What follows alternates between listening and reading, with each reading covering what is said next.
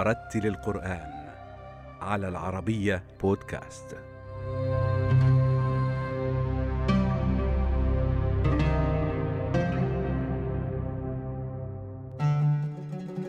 يعد القارئ المغربي حمزة العسلي من أصغر القراء المهاجرين في إسبانيا ومن آخر الملتحقين بالإمامة في مساجدها نشأ في مدينة تطوان المغربية التي تعد أكبر خزان للمهاجرين المغاربة في إسبانيا حفظ القرآن الكريم صغيرا مثل عامة أقرانه في القرى والمدن المغربية والتحق بالإمامة في عدد من المساجد وهو التدرج المعتاد لعموم حفظة القرآن الكريم في المغرب الذي يولي الحفاظ رعاية واهتماما خاصين. قصتي مع القرآن ابتدأت في سن الثانية عشرة فكنت أدرس بالمدرسة العمومية والتحقت بالمدرسة العمومية يعني بالمدينة التي أسكن فيها وهي طنجة. ثم في سن الثانية عشرة التحقت بكتاب الحي آه، الذي يشرف عليه الشيخ عبد السلام العمراني حفظه الله وأطال في عمره ومتع به. ويعني جمعت بين الدراسة النظامية وبين الكتاب القرآني. وبقيت في الوقت الفارغ ألتحق بالكتاب وعندما يكون لي وقت الدراسة أكون بالمدرسة. فبقيت على تلك الحال إلى أن بلغت السادسة عشر من عمري فختمت كتاب الله سبحانه وتعالى. ثم بعد ذلك كما هي عادة المغاربة يعيدون الختمات. فأعدت الختمة الثانية وبلغت إلى قوله تبارك وتعالى إنما السبيل على الذين يستاذنونك وهم أغنياء. هنا حصلت على شهادة البكالوريا. البكالوريا حصلت عليها في شعبة العلوم الفيزيائية. بعدها توقفت دراستي لم ألتحق بالجامعة. توقفت لمدة سنة. ارتحلت من مدينة طنجة إلى مدينة الجديدة. لأدرس هناك بمعهد قرآني. وكانت بغيتي ومقصدي أن أضبط القرآن وأن أتمكن منه حفظا وضبطا ورسما وتلاوة.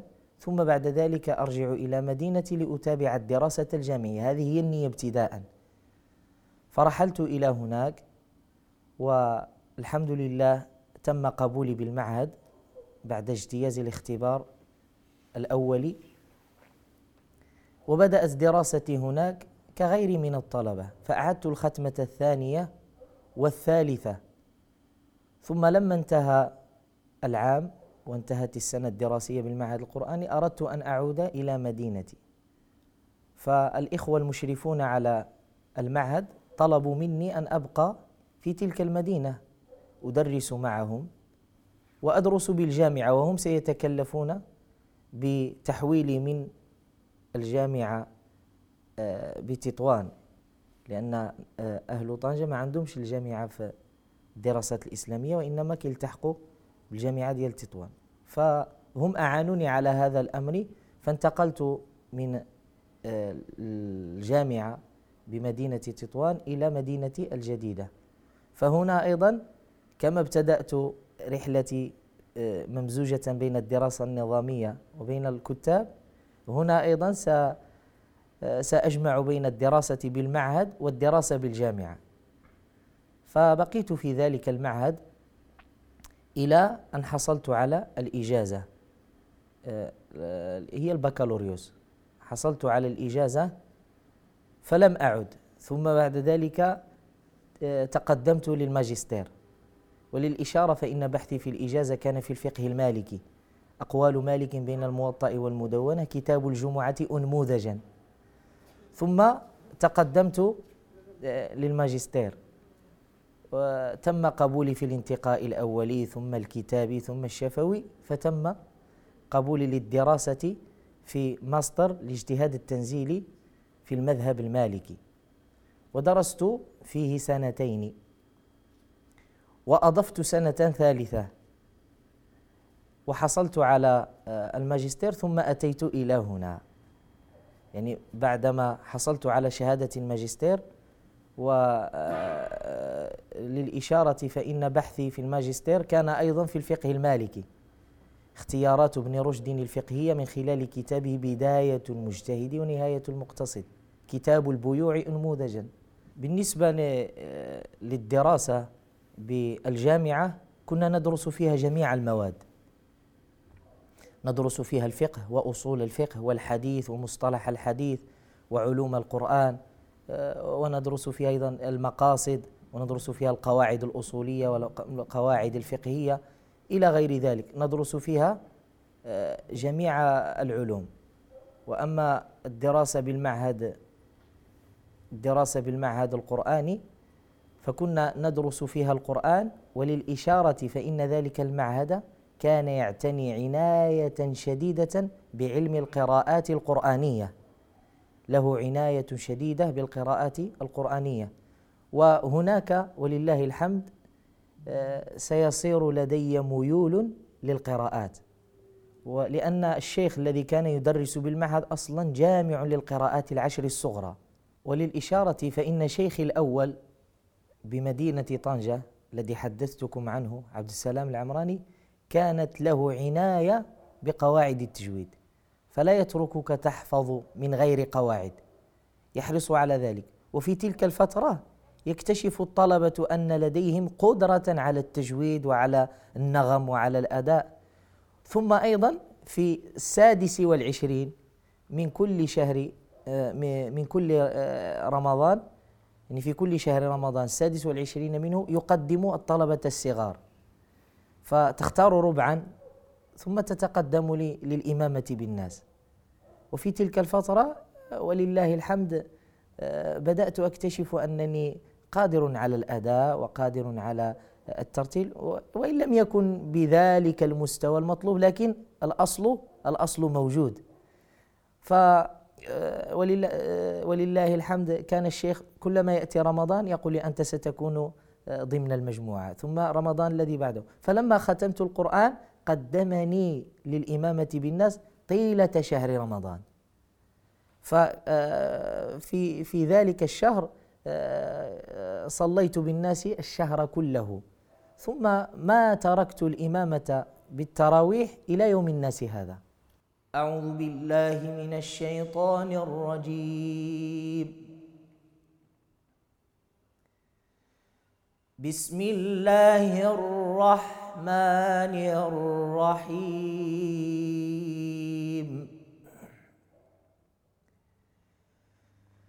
إن هذا القرآن يهدي للتي هي أقوم ويبشر المؤمنين. ويبشر المؤمنين الذين يعملون الصالحات أن لهم أجرا كبيرا. وأن الذين لا يؤمنون بالآخرة أعتدنا لهم عذابا أليما. ويدعو الإنسان بالشر دعاءه بالخير. وكان الإنسان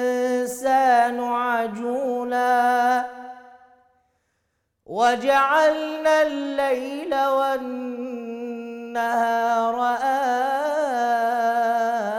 آيتين فمحونا آية الليل فمحونا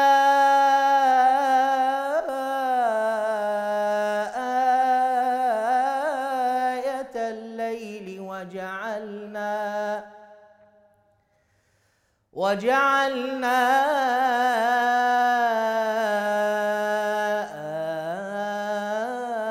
آية النهر مبصرة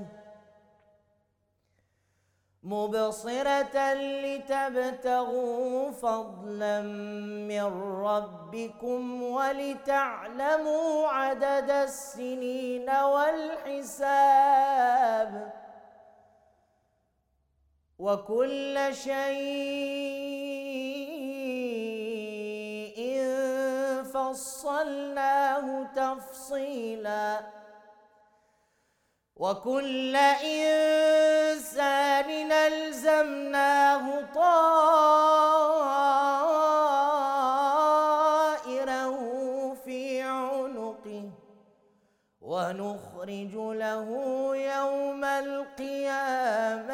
كتابا يلقاه منشورا. وكل إنسان ألزمناه طائره في عنقه ونخرج له يوم القيامة كتابا يلقاه منشورا. اقرأ كتابك كفى بنفسك اليوم عليك حسيبا.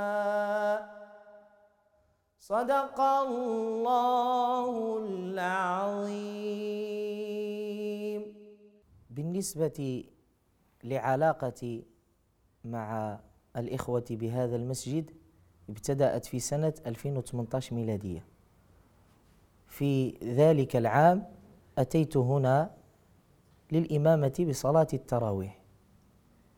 كما يأتي غيري من الأئمة. تكلف الإخوة ودفعوا لي ثم حصلت على التأشيرة وأتيت هنا فأديت المهمة التي أتيت من أجلها ثم عدت عدت إلى مدينتي. فالإخوة طلبوا مني أن ألتحق بهم هنا إماما رسميا.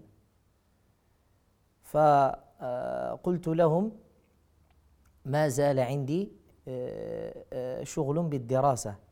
لا أستطيع أن أتي في هذه الفترة لأنني كنت درست سنة واحدة في الماجستير بقي لي سنة. فقالوا طيب نصبر عليك. تتم السنة الثانية من الماجستير ثم تلتحق بنا. ثم لما أتيت في رمضان الثاني أديت المهمة التي آتي من أجلها وهي صلاة التراويح. ثم عدت إلى مدينتي وتزوجت ولله الحمد. لكن للأسف أضفت سنة أخرى في الماجستير لأني لم أناقش الرسالة. فأضفت سنة أخرى فقدر الله هذه الجائحة. آه، لكن لما ناقشت في 2020 آه، ميلادية. الإخوة آه، قالوا الآن لم يعد هناك مانع. فتلتحق بنا إن شاء الله سبحانه وتعالى إماما رسميا بالمسجد إماما وخطيبا وواعظا. فقلت لهم على بركة الله. فمن منة الله علي أن ذلك لم يأخذ وقتا كثيرا. فمن الشهر العاشر من 2020 إلى الشهر الثاني عشر حصلت على آه، آه، التأشيرة التي تأتي بها هنا هي بحد ذاتها أوراق الإقامة. فأتيت هنا إماما وخطيبا وواعظا وعلاقتي بهؤلاء الناس علاقة طيبة منذ أول يوم أتيت فيه. وأيضا أنا لم أذهب إلى أي مسجد آخر بأوروبا لصلاة التراويح. هذا أول مسجد أتيت إليه وأنا به الآن إمام. يعني لم أذهب إلى مسجد آخر أو التقيت بأناس آخرين في مساجد أخرى؟ لا أبدا. أتيت هنا العام الأول العام الثاني وأنا معهم إن شاء الله سبحانه وتعالى.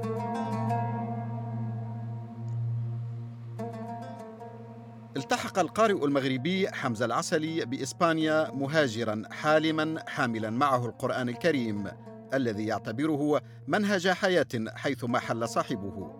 تولى الإمامة في أحد المساجد على الحدود الإسبانية الفرنسية حيث يتوافد المئات من المصلين يوميا من الأقليات المسلمة وأبناء الجالية المغربية فيما تدفع العائلات بأبنائها للتحلق حول القارئ حمزة العسلي لتعليمهم اللغة العربية والقرآن الكريم. آه هذا المسجد يجمع جنسيات مختلفة لكن آه الغالب عليه المغاربة.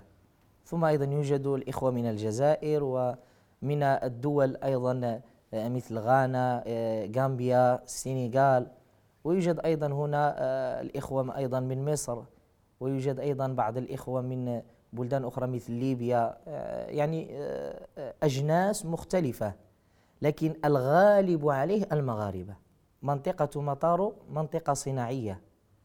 لو لاحظت هنا يعني هنا مصانع ويأتي الناس في الغالب يأتون للعمل. ربما يأتون من مدن أخرى يأتون للعمل هنا. لكن آه، يوجد آه، مغاربة كثيرون يقطنون هنا. آه، والإشارة عندما يأتي شخص يأتي بابن عمه بابن خالته بابن عمته ثم الأخرى تأتي بأختها وكذا. فكما قلت لك سلفا يعني الغالب على هؤلاء الناس المغاربة. لذلك لا تجد اختلاف كثير في الثقافات. ثقافة واحدة فكر واحد. آه، ثم أيضا الإخوة بهذا المسجد متعاونون فيما بينهم. يحملون هم الدعوة إلى الله ويحملون هم المسلمين وخدمة الإسلام. فتجدهم يتعاونون في في جميع أنواع الخير في الصدقة في آه، في البناء في آه، المصاريف المسجد تكاليف الإمام. تجدهم ولله الحمد متعاونون فيما بينهم. متآزرون. آه، هذا مما يغلب على هذه المنطقة. وللإشارة هذا المسجد معروف ذا عصيته بين الناس أن الإخوة الذين يشتغلون فيه آه، إخوة طيبون ولله الحمد عندهم غيرة آه، عندهم هم للإسلام وخدمة المسلمين. اشتغلت إماما بمدينة طنجة لمدة عام وستة أشهر. وكنت أيضا أدرس الطلبة هناك. فالاختلاف ليس هناك اختلاف كبير جدا. غير أن المساجد بالمغرب تقوم عليها وزارة الأوقاف والشؤون الإسلامية والمساجد هنا المسيرون لها هم الجمعيات. فهذا هو الاختلاف الحاصل. لكن بالنسبة للمغرب هناك أمور ينبغي أن يلتزم بها الإمام وأن يسير عليها ولذلك هناك كتاب دليل اسمه دليل الإمام والخطيب والواعظ ينبغي أن يلتزم بما فيه. واضح؟ لكن هنا يكون الإمام حرا. يكون الإمام حرا. ليس هناك شيء يضغط عليه. بخلاف يعني بعض المساجد ربما تجد بعض الجمعيات تكلف الإمام بعض المسائل وكذا لكن على العموم الإمام هنا حر. ليس هناك شيء يقيده أو شيء آه، يقيد حركته فهو آه، يتكلم ويتصرف كيفما شاء. لكن أيضا آه، بالنسبة للأطفال هنا يختلفون عن الأطفال بالمغرب. إذا أردت مثلا أن تدرس بالطريقة المغربية بطريقة الألواح وبتلك الطريقة لن تجد الأمر متيسرا لك هنا بخلاف بخلاف المساجد بالمغرب. لأن الأطفال هنا الوقت عندهم عامر في المدرسة. يعني تجدهم آه، غالب آه، أوقاتهم في المدرسة. يبقى لهم آه، السبت والأحد. السبت والأحد تجد عنده كرة القدم عنده النادي عنده كذا. يبقى لا يبقى له من الوقت إلا إلا قليل. وأنا أقول دائما لا بد أن يكون لنا مشروع قرآني لتكوين لتكوين أطفال ختمة يختمون كتاب الله سبحانه وتعالى هذا مشروع هذا لا يغيب عن ذهني أبدا لماذا؟ لأن آه، الأشخاص الذين أتوا قديما وهم يحفظون القرآن آه، أغلبهم آه، يموتون يعني يبلغ الأجل ثم تفيض روحه إلى ربها سبحانه وتعالى لكن أين هو الخلف؟ ربما مع مع مرور الزمن لن يبقى خاتم واحد لكتاب الله سبحانه وتعالى. ما جبرتش طفل خاتم خاتم القرآن. لذلك لم ينبغي هنا يتأكد علينا لزوما. يكون لنا مشروع آه، لتكوين طلبة الصغار يكونوا آه، يعني من من أهل القرآن ويختمون القرآن. أعوذ بالله من الشيطان الرجيم. بسم الله الرحمن الرحيم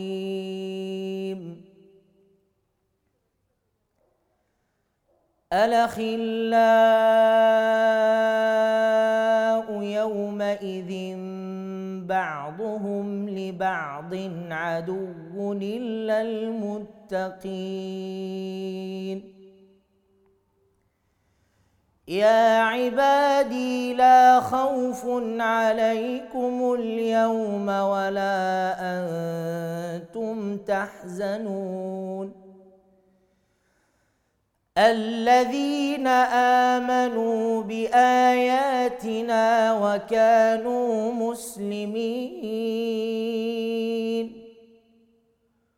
ادخلوا الجنة أنتم وأزواجكم تحبرون.